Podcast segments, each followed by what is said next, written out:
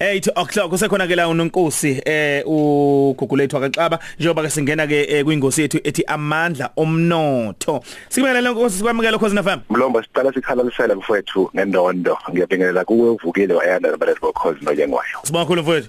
Wethu Nonkosi ake siqale sibheke bese kubheka ngesonto ledlule umthelela wegciwane lecorona. Impela nangcebo ngeviki elidlule besibheka nomthelela wegciwane lecorona negameke seyibe khona emhlabeni nanokuthi eh kwenzakalani njengama njengamanje emazweni omhlaba eh kanti futhi besibuka naseNingizimu Afrika ukuthi bekusaqagula nje ukuthi kungase kwenzakaleni sesizuleke umongameli esesinikeza umyalelo ukuthi ikuphi kumele makwenzeke. Besibuka futhi kakhulu eh nodaba lwalezi contract lezi mbili zezomnotho emhlabeni okuyi America nezwe laseChina ukuthi wona lamazwe ami kuphi kwenzakalani ngawo ngoba ukunyakaza kwawo nje ngobukhulu bawo emhlabeni kwenzeka okukhulu okugcina kunyakazisa umhlaba wonke. Nonkosi ake sibheke eh ukuthi lokhu kuzoba nomthelela muni ngoba isigameko lesimasibheka kufika iinfluenza eh kwashintsha izinto ezithile emhlabeni. Eh kufika ipolio kwashintsha izinto ezithile emhlabeni. Kufika kweHIV kwashintsha izinto ezithile emhlabeni. Sibona manje kukhulunywa indaba yoma vaccine kuthiwa sekuqhanyuka ne vaccine masisha nje America njalo njalo. Izinto lezi ikothi mase kubheka umlando kuthiwa hey kwenze ukuthi kwaqhamuka ukuthi ubuchwepheshe bashintsha ngendlela ethile ezomnotho zashintsha ngendlela ethile. Kade sikhuluma ngendaba eBlack Monday nje izolo ukuthi i all share index. JSE yehlile ngo12% China imisebenzi ewu5 million. Abantu abalahlekelwe imisebenzi. Italy ikwi lockdown masibheka. Lokho kuzoba nomthelela kuzona izinto amaxhama okuxhumana ezohwebo njalo njalo. Kunjalo nangcebo indaba le sesegudwini ekumele ukuthi singayishiyeli ngaphandle ikakhulukazi uma siyibuka njengoba kade uyihlahlela. Sibheka lana ikakhulukazi ngaphansi kwesihloko esithi critical junctures ngame wazi igameko ezenzekalayo ezithi mazenzeka zishintshe eh, indlela yokwenza emhlabeni jikelele. Usuyichaye kahle kakhulu eh, uma nje ngingathi ukudlula kulokho sukushilo phakathi kokunye yebo khona khona H1N1 eh, virus kwaba khona swine flu listeriosis bese kune SARS as well.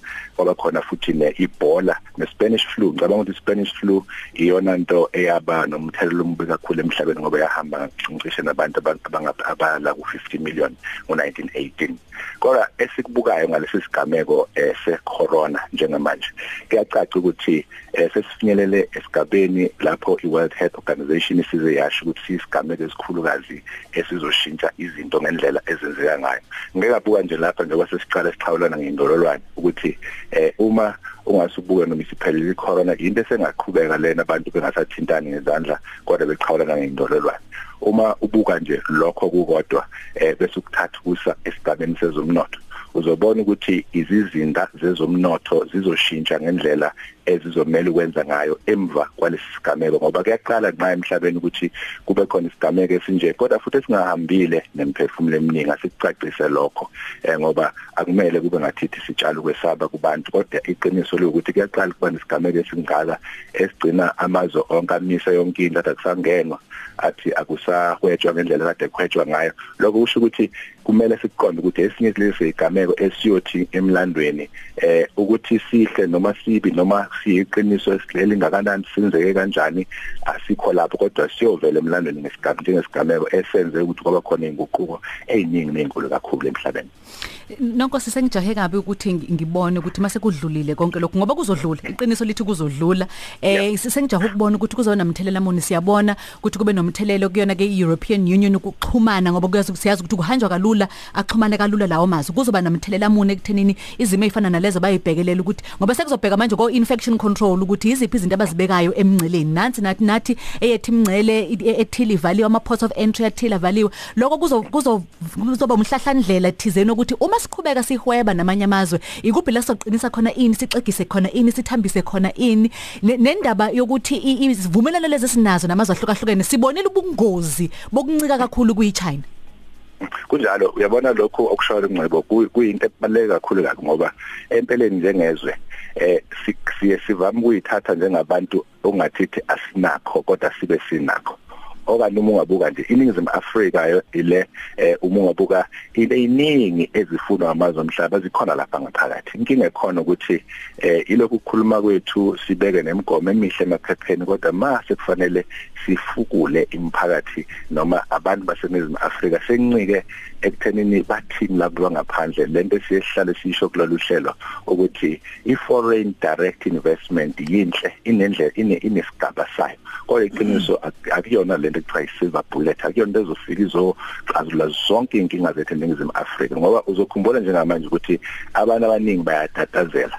Imakethe ke nongcebo zisebenza ngakho ukuthi eh abantu kube khona ukutatazela bese kuthengiswa amashare njengoba ubona nje amashare amaningi ehle ngendlela emangalisayo. Amashare obuwazi ukuthi awe inkampani eziyi-quality futhi ezinhle kakhulu kodwa njengamanje usubona ehlile ngendlela emangalisayo. Ilapho ke ngithi namhlanje ngesithi nje kuba khona kancane sisho ukuthi eh kulo kulokhu kutatazela okukhona nokukhula emhlabeni.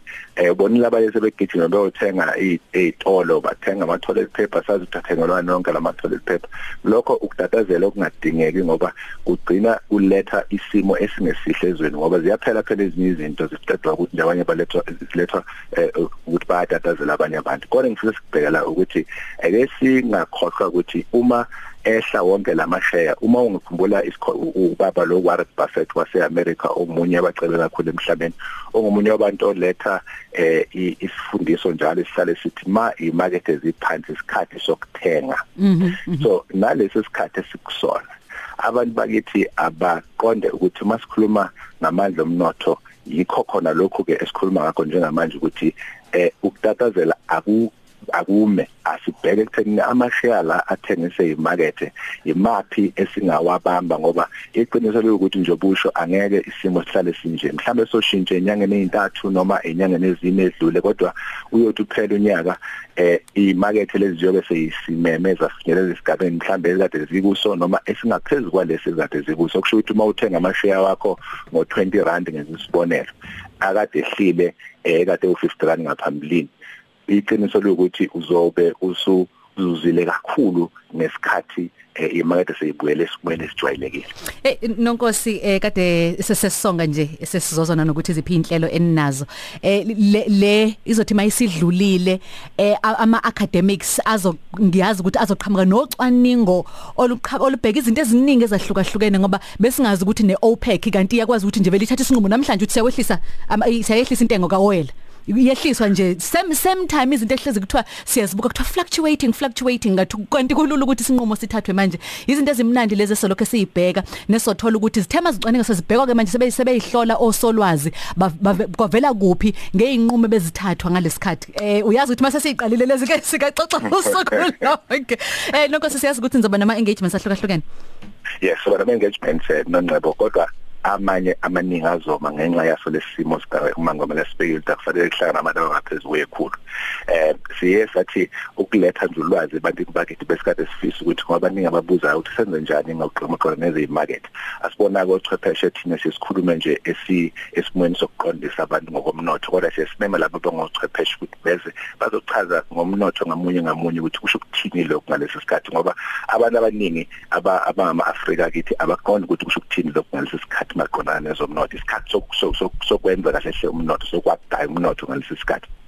So siye sathi ke nongcebo mhlambe nomfoka ngomo sengivala eh asi asi sowenza le clip ezokwazi ukusiza abantu bangithi ukuthi uthenga ini makwenze njani abala abalapho kuma WhatsApp groups wethu noma kuyi website ethi amandla omnotho.co.za so uploada leyo clip. Sifaka nasey'nkundleni zokuxhumana bese sibathumelela futhi abanye ku WhatsApp number yethu ethi 08 222 52217 and Shabat What is that?